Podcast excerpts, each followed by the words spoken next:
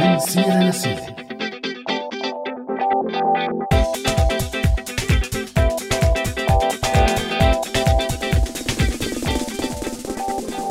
يسعد أوقاتكم مستمعينا مستمعي راديو سوريالي حسب توقيت كل حدا منكم بمختلف بلدان العالم. داخل وخارج سوريا مع حلقة جديدة بموسم جديد من برنامجنا من سيرة لسيرة. معي أنا عزة وهمام من وراء المايك. وأنا كمان برحب بالكل بالموسم الجديد والحلقة الأولى من برنامج من سيرة لسيرة وبدي رحب بالمعد الجديد للبرنامج عمر سواح. يلي كنتوا بتعرفوه سابقا من برامج مثل أيام اللولو و misconception سنة جديدة أخذنا فيها break صغير ورجعنا وما شاء الله هي الفترة اللي أخذنا فيها break كانت معباية أخبار وأحداث ما عم توقف. من الضغط المعيشي داخل سوريا ونقص بمواد أساسية مثل حليب الأطفال والغاز. مرورا بالضربات الإسرائيلية لمواقع لميليشيات إيرانية أو موالية إلها داخل سوريا وأكيد أخبار رياضية تصدر خروج منتخب النظام السوري من البطولة الآسيوية. الأخبار ما عم توقف بأي لحظة وهالشي عم يخليني أتذكر مثل مصري مشهور بيقول يا خبر بفلوس بكرة بيبقى ببلاش. فاليوم صارت عن جد الأخبار ببلاش. فكانت الأخبار عملة صعبة ومحصورة ومع تطور الإعلام خطوة ورا خطوة صار الوصول للخبر أسهل. فهل هذا التحول بالميديا كان شيء سيء ولا شيء منيح؟ عن هذا الموضوع بالذات والصفحات والشبكات الإخبارية الجديدة رح نحكي اليوم أكثر مع ضيفنا للحلقة فادي الحسين.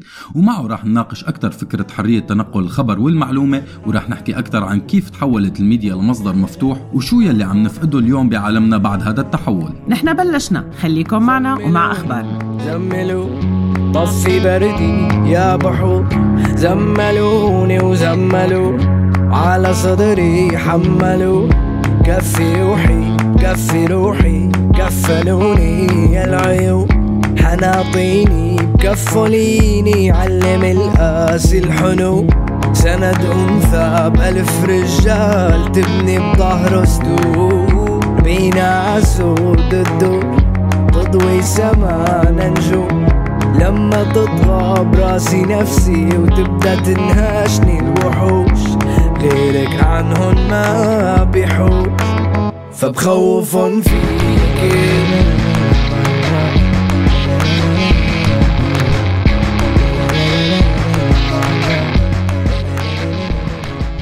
سؤال حلقتنا لليوم. هل بتعتقدوا أنه حرية تنقل الأخبار والمعلومات مع وسائل التواصل الاجتماعي كان مفيد ولا ضار؟ ولتجاوبوا على سؤال حلقتنا فيكم تتواصلوا معنا على صفحاتنا على مواقع التواصل الاجتماعي فيسبوك وتويتر وإنستغرام أو رسالة صوتية أو مكتوبة على الواتساب على الرقم 00962 77 98 51 21 0 خوف على الروا علمي العطاش قادر توا عمروا في عمروا جيل واعطوا عمر للما روى ما بيخافوا الدم ولا بيهابوا الموت بس بيخافوا اللي بيحب يطلع له صوت. خوف فيكي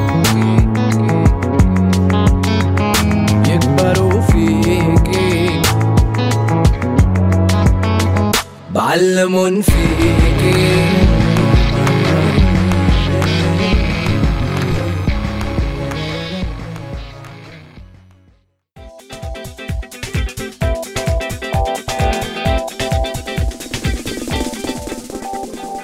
بعد السؤال رجعنا لكم. وحابين نذكركم بالفقرات يلي رح ترافقكم بهي الحلقة والموضوعات يلي رح نسمعها. فرح نبلش بعد شوي مع المنقوشة مع صاحبة الصوت الرقيق رئيفة ويلي رح تحكي لنا فيها عن أولى الصحف السورية. أما إياد فرح يحكي لنا عن تكنوفوبيا أو الرهاب من التكنولوجيا والنيوفوبيا أو الرهاب من كل شيء جديد. وشو علاقتهم بالأخبار وموضوع حلقتنا؟ وبفقرة ليرة ورا ليرة رح تحكي لنا كارولين عن كيف الخبر يلي بيكون ببلاش ممكن يصير بمصاري. وبفقرة شو قولك؟ رح نستضيف فادي حسين مثل ما حكينا بأول الحلقة ويلي رح نتحاور معه عن تجربته بالعمل كصحفي بمواقع التواصل الاجتماعي. ومع صوت رئيفة رح نبلش ونسمع شو بتحكي لنا عن أولى الصحف بالعالم العربي عموما والسوري خصوصا. فخليكم معنا مستمعينا بفقرتنا الجاية المنقوشة.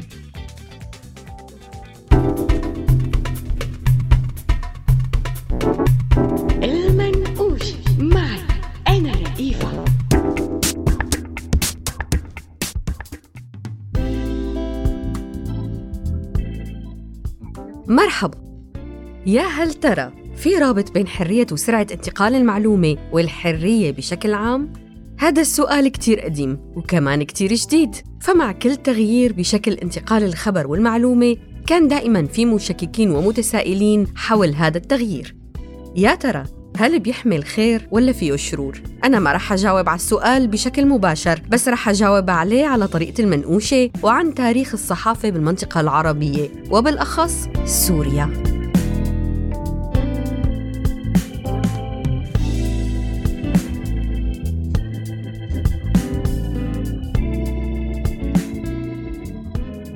المراجع بتذكر أنه أول صحيفة بالعالم العربي إجت مع المحتل الفرنسي سنة 1800 وإجت تقريبا مع المطبعة يلي جابها بونابارت معه على مصر. وكانت صحيفة ناطقة بالفرنسية وحملت اسم التنبيه يعني موجهة لطبقة معينة من المجتمع بالإضافة للفرنسيين. وبعد ما راحوا الفرنسيين طلعت تاني هي الصحف باسم الوقائع المصرية بسنة 1828 بس كمان ما كانت باللغة العربية بل بلغة الإمبراطورية العثمانية. وضلينا نستنى أول صحيفة عربية لسنة 1858 ويلي صدرت باسم حديقة الأخبار من بيروت على إيدين الشاعر والأديب خليل الخوري. وكانت بعدها صحيفة نفير سوريا بسنة 1860 مع المفكر الكبير بطرس البستاني. ويلي طرحت أفكار كتير سابقة عصرها مثل فصل الدين عن الدولة ومخاطر الطائفية والعدالة وتزامن صدور هي الصحيفة مع الأحداث الطائفية والمجازر اللي بلغت ذروتها بسنة 1860 سنة 1880 كانت سنة فارقة ففيها طلعت أول صحيفة عربية بإسطنبول ويلي حملت معاني سياسية كبيرة ارتبطت مع بدايات النهضة العربية. مع نهاية الحرب العالمية شهدت الصحافة السورية عدد كتير كبير من الصحف والمجلات اليومية والأسبوعية ونصف الشهرية والشهرية والفصلية ووصلت ل 48 مطبوعة. مع العلم أنه عدد سكان سوريا بهداك الوقت كان تقريبا 2 مليون ونص نسمة ونسبة الأمية كانت كتير كبيرة.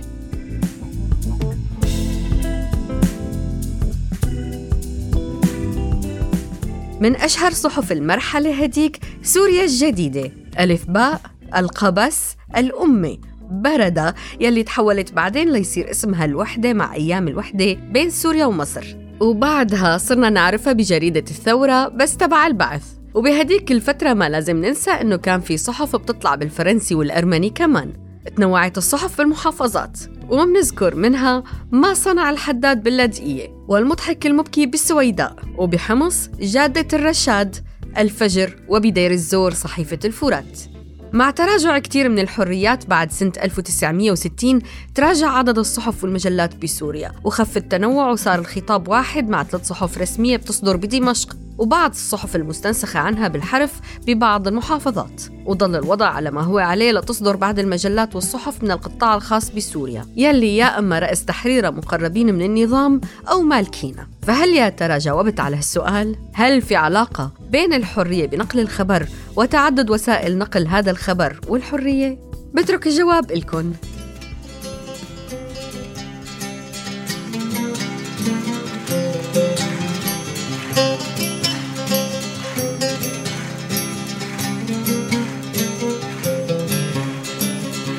ودخلك يا طير الوروار رحلك من صوب مشوار سلم لي عالحبايب وخبرني بحالن شو صار. دخلك يا طير الوروار رحلك من صوب مشوار سلم لي عالحبايب وخبرني بحالن شو صار.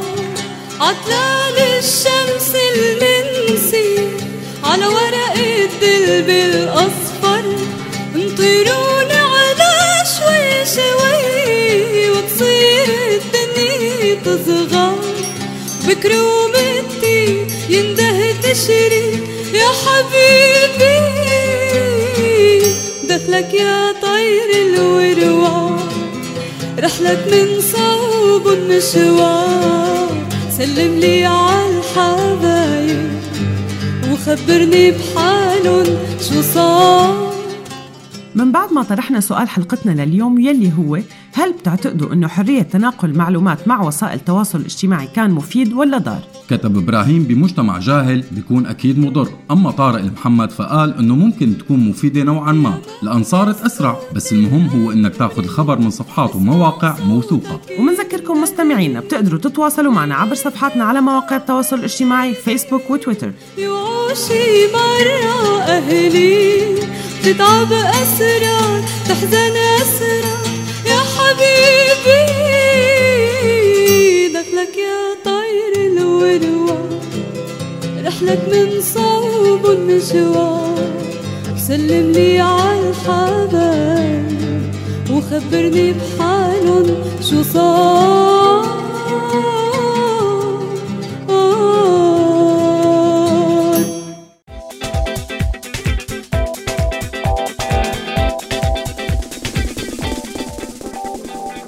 ورجعنا لكم مستمعينا. على هوا راديو سوريالي وحلقتنا عن الخبر وحرية الخبر والفضاءات الجديدة يلي انفتحت بالسنين الأخيرة. وكلها تحت عنوان يا خبر ببلاش وبيجي هذا العنوان من الأخبار يلي صارت تتناقل ببلاش عبر وسائل التواصل الاجتماعي وعبر العدد الهائل من المنصات عن طريق الإنترنت لينتقل الخبر والمعلومة الإخبارية من مادة محصورة بإيد قلة قليلة من الأشخاص من باحثين أو صحفيين ويتحرر من هاي القيود وتزيد سرعة هذا الخبر. بس يا ترى كيف كان الأثر لتحرر الخبر من سياسات الدول وكيف كان الأثر من التحرر من سياسات الشركات الخاصة؟ وشو الأثر لتحرر الأخبار من مطبعة الناشر ومن كاميرا التلفزيون الرسمي أو الخاص؟ الحقيقة هما ما رح نقدر نجاوب على كل هاي الأسئلة بشكل مباشر لأنه الأسئلة لسه أكثر من هيك بكتير وما في إجابات وافية بعالمنا العربي لأنه الدراسات للأسف قليلة بالعالم العربي. رحنا مع عمر لبعض الدراسات الغربية وبالأخص بأمريكا وفي ترجمة لدراسة عاملتها شركة نايت جلوب عن الثقة بالخبر يلي جاي من وسائل التواصل الاجتماعي والمنصات الجديدة وكانت الآراء فيها كتير سلبية. وفينا كمام إذا بتحب تقرأ معنا بعض النتائج. الحقيقة يا عزة معك حق. ففيك تتخيلي إنه 58% من المستطلعين قالوا إنه حرية نقل الخبر صعبت عليهم المهمة لأنه صاروا مضطرين يعيدوا التأكد من صحة الخبر. والغريب إنه 48% من المستطلعين حملت وسائل الاعلام مسؤولية التأكد من الخبر. والشي اللي بيضحك همام إنه دراسة تانية صارت بإنجلترا أكدت إنه عدد كبير من وسائل الإعلام صارت تعتمد على وسائل التواصل الاجتماعي للتحقق من صحة الخبر، يعني لف ورجع وفينا نضيف كمان أنه بين 38 ل 58% من الآراء بالدراسة الأولى قالت أنه الكمية الهائلة من المعلومات يلي عم يتلقاها العقل البشري من هي الوسائل خلال الاطلاع على الخبر. أمر جدا سطحي. وهذا الحكي بيطابق مع عدد من الدراسات يلي بتقول إنه تكرار الأخبار يلي كان يصير بوسائل الإعلام التقليدية مثل الراديو أو التلفزيون كان بيخلي الشخص على تواصل أكبر مع الخبر ومع كل شيء بدور حواليه. وبالرجعة للوضع السوري ترافقت الثورة السورية وكل شيء صار مع بعدها عفوا مع الثورة المعلوماتية والطرق الجديدة لانتشار الخبر. وترافقت هي الثورة مع مكاسب كبيرة للمواطن الصحفي يلي قام بدوره على مستوى كتير كبير. بس كمان شهدت هاي الطفرة كمية كتير كبيرة من الأخطاء والمغالطات والكذب. بلشت مع أول أيام الثورة مع أخبار تناقلتها صفحات مقربة من النظام عن اغتيالات وعمليات تسميم عن طريق أطعمة بالإضافة للمبالغة والمزاودة بالمعلومات. كان من أبرزها قصة حمزة الخطيب الطفل يلي صورتها صفحات موالية للنظام على أنه وحش. بس الحقيقة أنه المعارضة كمان غالت بكتير من المطارح رغبة منها بالمكاسب السياسية السريعة أو بالربح المعنوي من الطفرة الإعلامية الجديدة. فتزايدت أعداد القتلى الكتيرة أساسا بإيدين النظام بشكل غير مبرر وأكيد كتيرين بيتذكروا أمثلة غير موثقة عن مجازر تم تسويقها بأرقام غير حقيقية لزيادة التسويق الإعلامي. عن جد وكأنه جرائم النظام السابقة ما كانت كافية لتحريك الرأي العام العالمي مثل مجزرة الحولة ومجازر درعا ببداية الحراك السوري. وحصلت أكبر المغالطات همام بتخيل بنقل الخبر مع مجزرة الساعة بمدينة حمص يلي راحت صفحات كتير تناقلت أعداد كبيرة من القتلى. اتضح فيما بعد عدم صحة أي من هي الأرقام. وبالرجعة للدراسات يلي رجعنا لها بنقدر نشوف إنه هي المشكلة ما انها سورية ابدا. فبدراسة نايت نايت جيت عفوا يلي سبق وحكينا عنها كانت نسبة 73% من الآراء. قلقة من انتشار المعلومات غير الصحيحة على الإنترنت وشافت هي النسبة إنه الأخبار الكاذبة بتشكل تهديد حقيقي على الحرية والديمقراطية. وبالعودة لمقارنة بسيطة بين يلي كنا عايشينه من قبل مع نشرة أخبار وحدة الساعة 8 ونص ونشرة جوية وحدة ونشرات أجنبية مترجمة لنفس النشرة العربية. وبين الشيء اللي عم نعيشه هلأ حاليا في فرق كتير كبير ويمكن ما عادل بس لازم نطرح سؤال الحلقة واللي هو بيقول هل بتعتقدوا أنه حرية تنقل المعلومات مع وسائل التواصل الاجتماعي كانت مفيدة ولا ضارة؟ شروي غروي معي أنا إياد كلاس.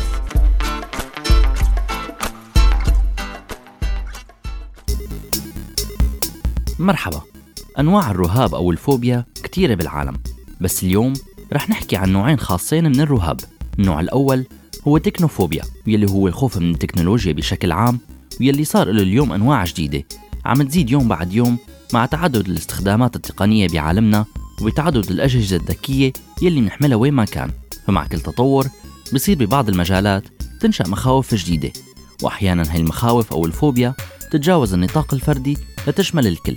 النوع الثاني من الرهاب اسمه نيوفوبيا واللي هو الرهاب من كل شيء جديد. بس بالأول خلينا نذكر أنه بالعموم نسبة كبيرة جدا من البشر بتحب العادة أو الأشياء المعتادة ونمط الحياة يلي بيحسوا فيه بالأمان لأنهم بيعرفوا هذا المحيط تبعهم وما بيحبوا يغيروه.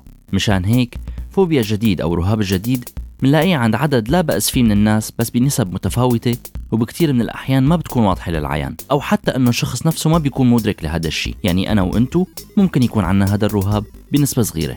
ظهرت هاي الأنواع من الفوبيا مع اختراع كل من الراديو والسينما والتلفزيون وكانت تنربط ببعض المجتمعات المختلفة بعمل الشيطان مثلها مثل البسكليت والموتور والسيارة يلي سميت بآلات شيطانية. فهدول النوعين من الفوبيا كانوا يظهروا بشكل واضح وصريح مع كل اختراع جديد عم يفوت على البشرية بسبب القلق من كسر العادة. بس كمان بسبب تأثير جهات سياسية أو دينية وإحساسها بالتهديد من استخدامها للشيء الجديد خوفا على صورتها ومكانتها.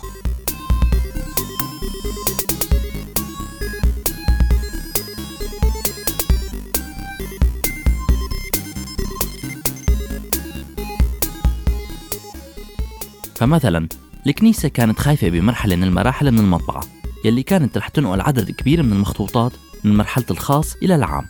ولما شافت إنه ما في مهرب من التطور تحولت الكنيسة لوحدة من أهم العاملين بهذا المجال. ناس بيقولوا للسيطرة على المعلومة والخبر وناس بيقولوا نتيجة للانفتاح. ونفس الشيء كمان كان في خوف من طرف المؤسسات الإسلامية من طباعة المصحف. هالشيء يلي أخر السماح بطباعته بشكل آلي لأواخر القرن ال19 بمجتمعاتنا العربية بتزيد القصة وخاصة مع تداخل دور الدين ببعض هي القصص. والدين السلفي وحتى الحداثي منه بجزء كبير منه بيتدخل بحياة الإنسان المتدين. بصير إنه الشخص المؤمن بحن للماضي لارتباط الدين الوثيق بالماضي. مشان هيك منلاقي تقبل الأشياء الجديدة والأفكار الجديدة بمجتمعاتنا تاخد وقت أطول. ومن هون نرجع لنشوف رابط هذا الخوف مع كل شيء عم يصير حوالينا اليوم بعالم الأخبار الجديد. وقديش عم تتزايد أسئلة وخوف من هالتكنولوجيا الجديدة وخصوصي مع سرعة نقل وتداول الأخبار. كنت معكم أنا إياد كلاس لنحكي عن رهاب الجديد والتكنولوجيا. كونوا بخير.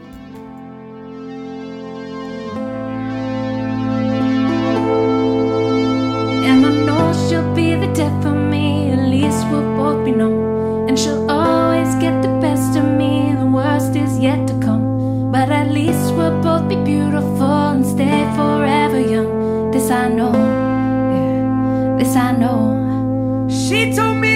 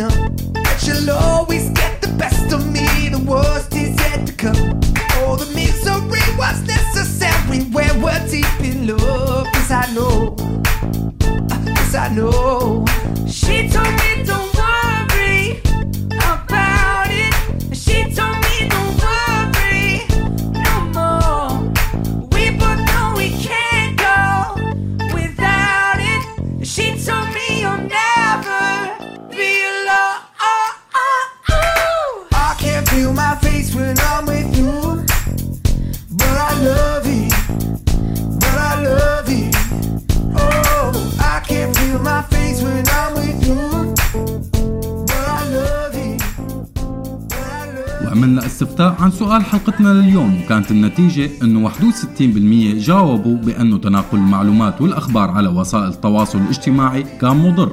أما 39% فكان جوابهم أنه مفيد. وما تنسوا تتواصلوا معنا برسالة صوتية أو مكتوبة على الواتساب 00962 779 851 210 أو عبر صفحاتنا على مواقع التواصل الاجتماعي فيسبوك وتويتر.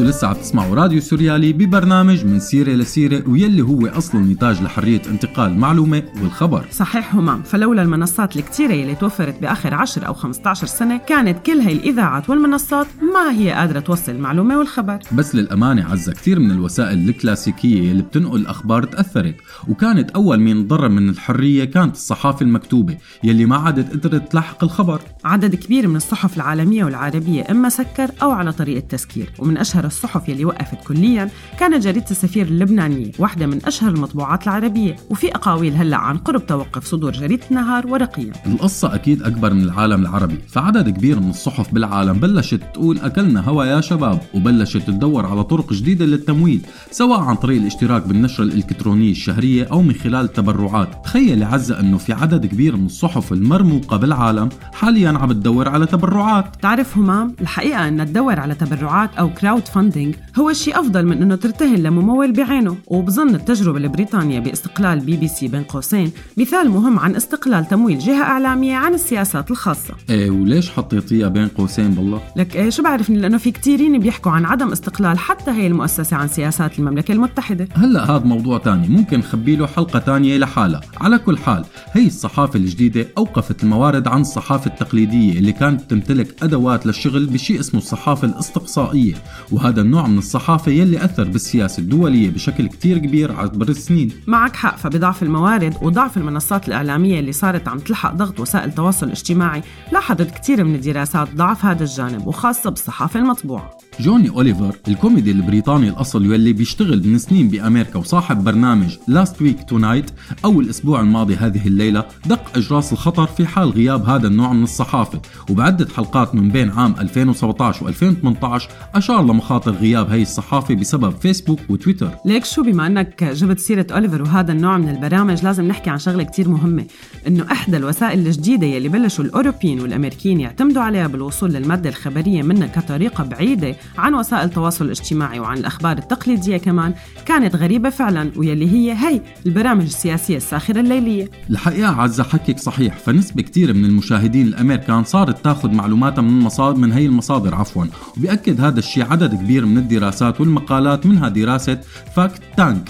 واللي بتأكد أنه البرنامج القديم Colbert Report على سبيل المثال كان مصدر حقيقي للأخبار لكثير من الشباب والدليل أهم على هذا الشيء أنه الرئيس الأمريكي السابق أوباما توجه لهي المنصة بالتحديد ليخاطب الفئات الشبابية مشان تسويق خطة التأمين الصحي الأشهر أوباما كير. ونشرت CBC News تقرير مشابه بيقول إنه الشباب بيعتبروا هاي البرامج مصدر حقيقي للأخبار. وبما أنه العدوى بالإعلام شيء كتير طبيعي وتحت الضغط الإخباري بالمنطقة العربية فأكيد حاولت بعض المحطات العربية أنه تخترع شيء مشابه بس للأسف طلعت تجارب مشوهة وكانت معلقة على الخبر أكثر من أنه تكون ناقلة لإله. الزحف يلي عم يصير على وسائل التواصل الاجتماعي ليستولي على كل المساحة الإخبارية مستمر وهذا صار عم يخلق خوف كبير عند المعلنين ورجال السياسة مشان هيك بلشت الأموال كلها تتدفق بهداك الاتجاه. وعن هالشي رح تحكي لنا أكثر بعد شوي كارولين بليرة ورا ليرة. خليكم معنا.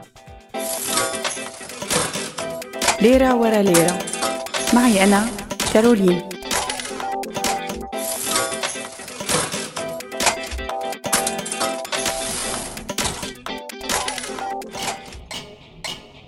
مرحبا. غاب الدولار وراحت الأخبار بس الدولار ما راح لبعيد بس غير المسار وصار يا خبر بفلوس بكرة ببلاش. صار البلاش له سعره تسعيرة غالية بس شو هي التسعيرة؟ عنها رح أحكي شوي اليوم بليرة ورا ليرة.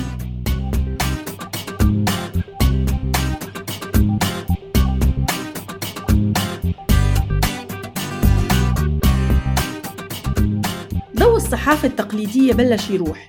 ومعه بلشت المصاري تمشي ورا الضوء الجديد new media حرية انتقال الخبر شجعت هجرة الأموال لوسائل التواصل الاجتماعي والميديا الجديدة الشيء يلي أثر بشكل كبير على الإعلام التقليدي.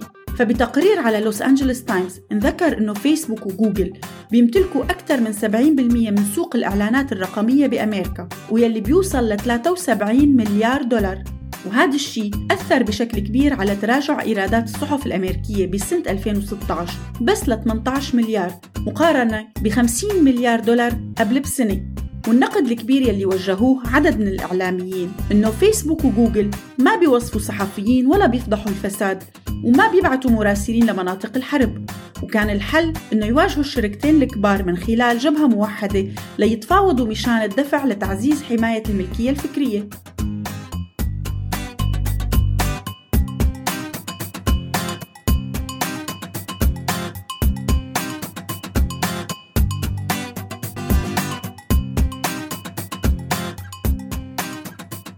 أما كيف ممكن تربح مصاري من ال new media فبتختلف الطرق.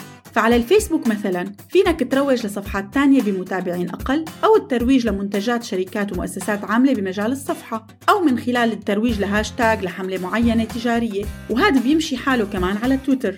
بالإضافة لهيك فينك تعمل موقع ويب وتخلي ال traffic عالي على موقعك. وأخيرا فينك تبيع الصفحات بعد ما صار عدد المتابعين كبير. والتسعيرة لهذا الشيء غير واضحة لأنه بيع صفحات الفيسبوك مخالف لسياسات الفيسبوك وبالغالب بيبدأ بيع الصفحة بعد زيادة عدد المتابعين لل 500 ألف متابع والتسعيرة بتكون لل 150 ألف معجب بسعر بيتراوح بين 100 لل 250 دولار إذا كانت فئة المعجبين من الخليج على سبيل المثال. أما اليوتيوب فإمكانية التمويل بتكون عن طريق الإعلانات على الفيديوهات بس يوتيوب عم بيزيد صعوبة هذا الموضوع. مشان هيك الطريقة الأفضل بعد ما تراكم متابعين هي السبونسرز أو جهة إنتاج حقيقية مثل التلفزيون التقليدي.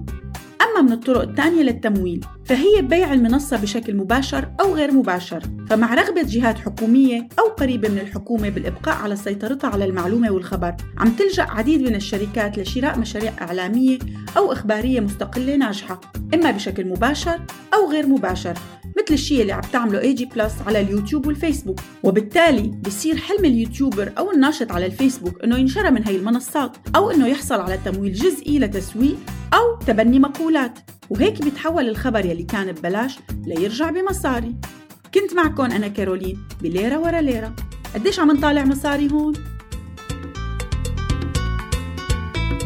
مصاري مصاري مصاري مصاري مصاري مصاري مصاري مصاري مصاري مصاري مصاري مصاري مصاري مصاري مصاري في واحد عم يحكي عنك طالع نازل شو ما كان فكر حاله كتير محنك خبرنا شو بنعمل فيه. ندفع حقه نشتريه مصاري مصاري مصاري مصاري مصاري مصاري مصاري مصاري مصاري في واحد عنده جريدة عم تكتب ضدك عطول أخباره مدروس كتير أفكاره شي مش معقول. خبرنا شو بنعمل فيه. ندفع حقه نشتريه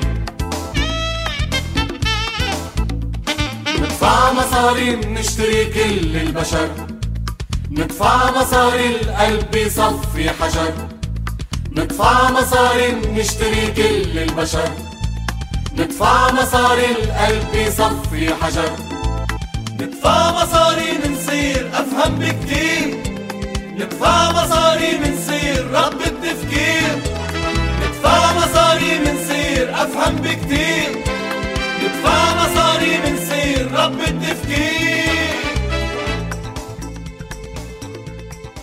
ومنذكركم مستمعينا بسؤال حلقتنا لليوم واللي هو هل بتعتقدوا أنه حرية تناقل المعلومات على وسائل التواصل الاجتماعي كانت مفيدة أو ضارة؟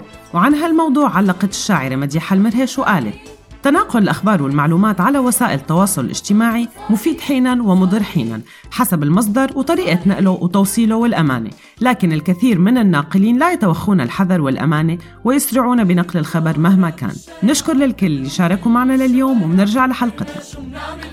ندفع حقه نشتريه مجلس قايم ضدك كله منخلي ولا منحله خبرنا شو بنعمل فيه. بندفع حقه نشتريه في كرامة في أخلاق وفي شهامة هي كلها شو بنعمل فيها؟ ندفع حقه نشتريه في قضية وفي هوية في عدالة اجتماعية. هي كمان بنشتريها. ندفع حقه نشتريه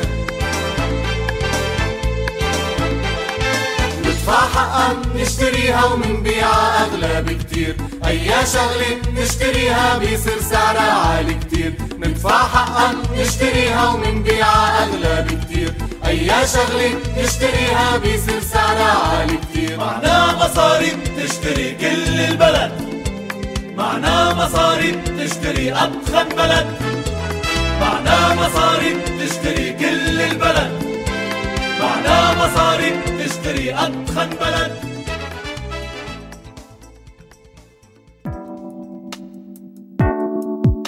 شو قولك؟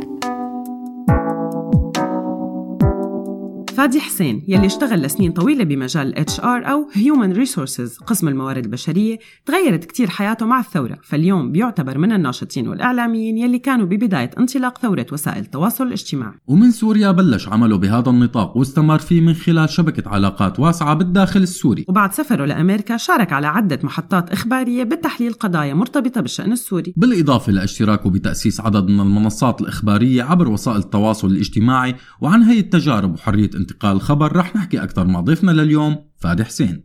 الصحفي والناشط الإعلامي فادي الحسين أهلا وسهلا فيك ضيف عزيز ببرنامج من سيرة لسيرة على هوا راديو سوريالي. أهلا وسهلا فيك فادي. هلا فيكم همام معزة. يا أهلا هلا. وسهلا فيك. آه، فادي بداية خلينا نقول إنه بوقتنا الحالي صار في نقلة نوعية بالإعلام واللي هي إنه صار في عنا شيء اسمه مواطن صحفي. أنت كنت آه، أول مين شاركوا بهي النقلة؟ آه، كيف بتشوف هي التجربة؟ بعتقد هاي التجربة كانت تجربة مميزة كتير. الثورة السورية وقت بلشت آه، كانت هي المحفز الأكبر. لكثير من الناشطين السوريين يلي ما كانوا ناشطين فعليا سابقا يلي كانوا ناس عاديين. أنا شخص عادي كنت وكثير ناس كانوا أشخاص عاديين. لكن الأوضاع الأمنية بالبلد والثورة وقت بلشت والأمور هي كلياتها دفعت كثير ناس بعتقد لتتحول من ناس طبيعيين عاديين لناس قادرين ينقلوا خبر لناس قادرين يصنعوا خبر ويحولوه لمادة. الناس تقدر تشوفها إن كانت بصورة أو كانت بفيديو أو كانت بمجرد خبر مكتوب. بعتقد يعني نقلة كبيرة نوعية كانت جدا بسبب الثورة السورية يلي صار. طب آه، فادي قبل اللقاء كنا عم نحكي آه، أنا وهمام عن إمكانية التمويل للمنصات الإخبارية الجديدة يلي انولدت مع ثورة وسائل التواصل الاجتماعي. قديش برأيك أنت قادرة رؤوس الأموال أو الدول تتحكم بحرية الخبر؟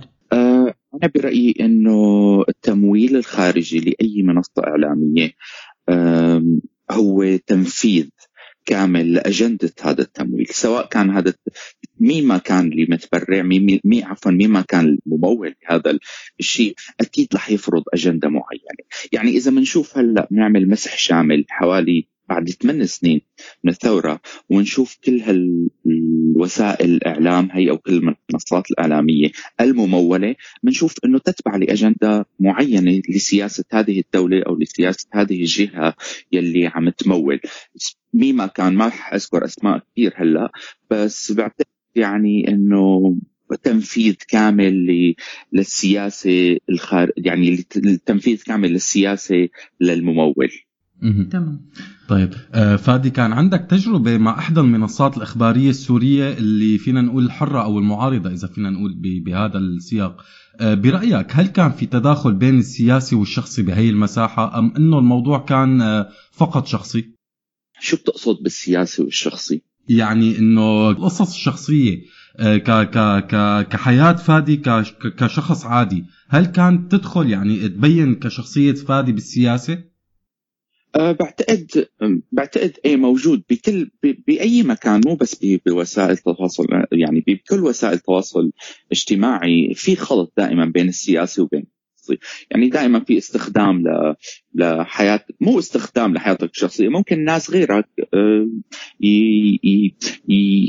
يحاولوا إنه ممكن يستفيدوا من أي شيء شخصي بالنسبة لك ليربطوه بالموقف السياسي تبعك. كيف نمط حياتك أنت؟ كيف عايش؟ وين عايش؟ مين أنت؟ شو بتساوي؟ شو بتعمل؟ كلياته هذا بيرتبط بالموقف السياسي تبعك وما زال موجود. وبعتقد هذا موجود بكل العالم يعني مو بس مرتبط بسوريا أو بالثورة السورية بكل العالم. إذا بنشوف بأمريكا ولا بأوروبا دائما في في ربط بحياة بين حياة الناشط أو حياة أي إعلامي أو حياة أي صحفي أو بحياته الشخصية مرتبط بموقفه السياسي دائما. مم. طيب أنت برأيك هل هذا الشيء منيح أو أو ممكن يكون ضد أو مع ال- ال- ال- المواطن الصحفي أو الناشط الإعلامي؟ أنا برأيي هذا الشيء ما له صحي ابدا لأنه بين الحياة الخاصة لل- للشخص حياته الخاصة بعتقد ما حدا له أي ابدا علاقة فيها. أه وبين موقفه السياسي عرفت كيف؟ بس أحيانا كمان وقت بتكون أنت شخصية أه اجتماعية أو بتكون أنت حدا أه مثل ما بيقولوا popular وقدام العالم يعني مشهور. آه، إجباري بده يصير ربط خاصة وقت بيكون بيصير في تناقض بين حياتك الشخصية وبين موقفك السياسي. وقت تحكي شيء أنت قدام العالم سياسيا وبتمارس بتمارسه تماما بتمارس العكس تماما بحياتك الشخصية فحيصير ربط أكيد. بس أنا شايفه ما له شيء صحي ابدا. نكتفي بس بالموقف السياسي للشخص مين ما كان يكون. تمام. طب عادة فادي لما بيتم استضافة ضيوف بالأقنية الفضائية أو غيرها بيكون لهم صفة إما إخبارية أو تحليلية. بس اليوم كتير من الضيوف صار لهم صفة اعتبارية بتجي من صفتهم مواطنين صحفيين قديش بتلاقي يا ترى هذا الشيء ممكن يأثر على المهنة بعد سنين؟ آه، ممكن يأثر على المهنة بعد سنين. آه، بعتقد ما له تأثير كبير لأنه حتى الناس يعني إذا بنشوف إذا بنعمل بنشوف المحطات الفضائية أو اللي عم تستضيف الناس اللي هن ما كانوا إعلاميين سابقا أو ما كانوا صحفيين سابقا بنشوف في تباين كبير بالمحتوى يلي عم يقدموه أو بالمستوى يلي عم يقدموه. يعني مو كل واحد قال عن حاله إنه أنا إعلامي فهو إعلامي. أو مو كان قال أنا صحفي فهو صحفي. يعني في ناس كتير استغلت ما بدي أقول استغلت أو استغلت الموقف يلي كانت فيه أو استغلت الوضع يلي كانت فيه بأوائل الثورة. وظهرت كتير على شاشات تلفزه وعلى شاشات كناشطين إعلاميين وكناقدين للخبر. وفجأة اختفوا. أو فجأة تحول ال- المسار السياسي تبعهم أو الآراء تبعهم أو الأفكار تبعهم تحولت تماما وصاروا عم يقدموا محتوى تاني. أنا برأيي إنه في تباين كبير آه، بالمحتوى يلي عم يقدموه هدول الناس. فمو دائما هذا الشيء برأيي إنه شيء مزبوط يعني عم يصير. طيب آه، فادي في نظريات كتير بتقول إنه التعليم بشكله الكلاسيكي مع ثورة الاتصالات اللي حاليا موجودة هلأ آه، التعليم بشكله الأساسي أو الكلاسيكي إلى زوال، طبعا باستثناء بعض المهن والأعمال الجسدية اللي بحاجة لتدريب، وفي مين بيقول إنه الصحافة وفن النقل الخبر من أوائل هي المهن. آه، أنت شو رأيك بالموضوع؟ أنا برأيي إنه في كتير أمور مو بس هذا الشيء اي رح تكون رح تندثر فعليا. يعني الا الشيء اللي بده بده تمرين مثل ما قلت أعمال جسدية أو كذا بدها تمرين. ممكن بس مثلا ك, ك مثل ما مثل ما قلنا كأي شيء إعلام بديل ممكن أنت تطور مهاراتك لحالك. بدون أي جامعة بدون أي مدرسة أو شيء تحاول تطور مهاراتك تحاول تطور آه، طريقة صياغتك للخبر حاول تطور تتعلم شوية آه، مونتير تتعلم شوية مونتاجات فيديو تصوير كاميرا تشتري كاميرا تتعلم تصور. هذا كثير عالم اشتغلت على حالها بدون أي مساعدات تانية في داخل الأراضي السورية وقت بلشت الثوره السورية. فبعتقد إنه هذا الشيء حيستمر أكثر ورح تدثر كتير هيك شغلات. حتى يعني إذا بنشوف آه، تجارب بأمريكا أو أوروبا في شيء اسمه التعليم المدرسي. طلاب بطلوا يروحوا مدارس الأم والابولين عن تعليم الأطفال داخل البيوت والمنازل بيحبوا يخصصوا خمس ساعات أو ست ساعات كل يوم لتعليم الأطفال. وفي نماذج كثيرة جيدة يعني في ناس وصلت وتعلمت وصار مثقفين يعني من من وراء هيك قصص. فادي نهاية أه، بدنا نروح شوي سؤال شخصي. أه، شو أسباب الخلاف بينك وبين المجموعة الإخبارية اللي اشتغلت فيها سابقا أه، قبل ما يتهموك القائمين عليها بالسيطرة على المجموعة؟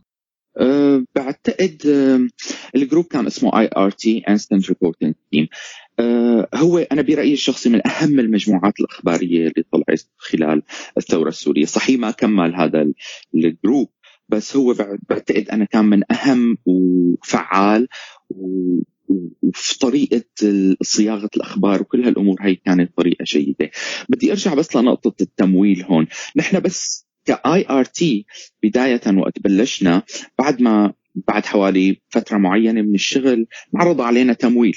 انعرض علينا تمويل من تلفزيون سوريا اللي هلأ هو قائم بعنتاب وباسطنبول عفوا وعندهم استديوهات وكذا وهيك. تواصلوا معنا أشخاص من تلفزيون سوريا قبل ما يتم إنشاء تلفزيون سوريا وعرضوا علينا تمويل وقالوا إنه نحن بنمول بنمول وبتصيروا تابعين مثل منصة إخبارية تابعة لهذا التلفزيون. طبعا بعد السؤال مين القائمين عليه بهذيك الفترة وكذا رفض الشباب يلي كنا عم نشتغل كلياته ورفضنا هذا الموضوع. وبعد منا طلب نفس الشخص طلب أن يكون مراسل لتلفزيون سوريا هون بواشنطن وطبعا رفضت هذا الشيء. برجع هون بدي الخلاف الرئيسي كان آه، هو ما له خلاف رئيس يعني ما له خلاف آه، كان كبير بس توث كبر كثير يعني طريقة صياغة الأخبار آه، أحيانا عفوا خليني هون أقول نوضح شغله أكثر. أنت وقت بتكون آه، مسؤول عن منصة أخبارية وعم تقدم محتوى خبري لشخص عم يقرأ هذا الخبر لازم تكون بعيد عن شو أنت إيمانك والآيديولوجيا تبعك تمام؟ لازم تكون بعيدة عن صياغتك للخبر. كانت الفكرة أنا كان كان دائما آه، أي جماعات جهادية إسلامية داخل سوريا آه، كنت أرفض إنه إذا نحن بتف يعني ضد هذا الفكر الأيديولوجي تبع هدول الجماعات فبالخبر ما لازم يكون هذا الشيء واضح. لازم يكون بطريقة الخبر مصاغ بطريقة آه، علمية بطريقة يعني طريقة ما تبين في أي عداء من هذا الشخص يلي عم يصيغ الخبر تجاه أي جهة من داخل موجودة أو أي جروب أو أي مجموعة جوات هالخبر يعني كان في أنا فكرتي كانت إنه نحاول دائما نحافظ على مصداقيتنا ونحافظ على لغة آه، تخاطب جميع جميع الفصائل المقاتلة داخل الأرض السوريه بلغة واحدة بدون أي مثلا إنه أنا لازم سب هذا ولازم أمدح هذا طب ليش؟ معناته أنا توجهي إنه أنا عم بدعم هذا وضد هذا لا أنا كمنصة إخبارية لا بدي أدعم هذا ولا بدي هاجم هذا أنا لازم أكون على نفس السوية من كافة الأشخاص. بعدين آه، صار كبر هذا الخلاف شوي لحتى توقف ال group وأنا اللي وقفت ال group. يعني أنا اللي مثل ما بيقولوا سيطرت على المجموعة. ما سيطرت على المجموعة بس أنا حطيت مثل حد لهذا القيل والقال وهالحكي لأنه كبر الموضوع وصار على العام كثير يحكوا فيه. وأنا برأيي إنه شيء صحي اللي صار هلأ لأنه آه، الشباب يلي طلعت من ال group ساوت group ثاني ومنيح كثير دائما الناس يلي ما عندها خبرة تتعلم من الناس يلي عندها خبرة وعندها بهالمجال هذا وترجع تفتح مثلا تساوي شيء ثاني هيك. أنا برأيي شيء صحي هذا يعني كل ما كثر هذا الشيء والناس بلشت تجرب لحالها وتتعلم ويصير عندها خبرة فبرأيي إنه هذا شيء صحي ما له شيء غلط. مية بالمية بالنهاية عن جد فادي شكرا كثير إلك وشكرا لوقتك وأكيد يعني أنا أنا و وعزة أكيد منوافقك وبتخيل كل العالم إنه مثل ما قلت هذا الشيء الصحي وهذا الشيء الطبيعي واساسا التجارب الإعلامية الناجحة خلينا نقول إذا بدها تصير فأنا برأيي حتصير بهيك مواقف بهيك انطلاقات. فبالنهاية يعطيك العافية وشكرا كثير لك شكرا همام معزة شكرا لسريالي كمان ومساء الخير للكل. تسلم, تسلم. شكرا كثير لك Yeah, it's pretty clear. I ain't no I can shake it, shake it like I'm supposed to do.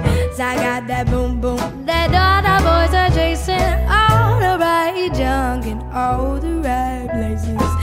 I see those magazines working on Photoshop. You know that stuff ain't real. Come on and make it stop.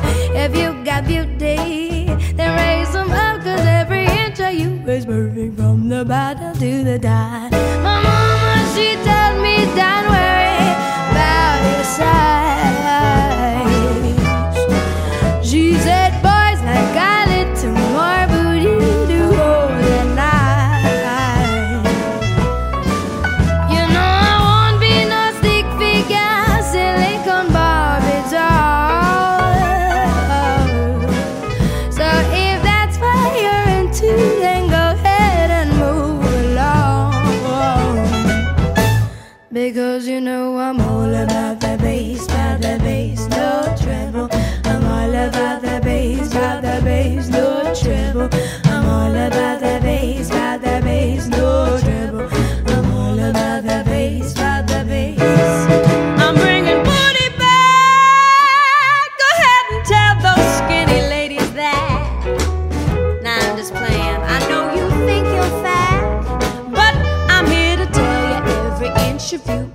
perfect from the bottom to the top.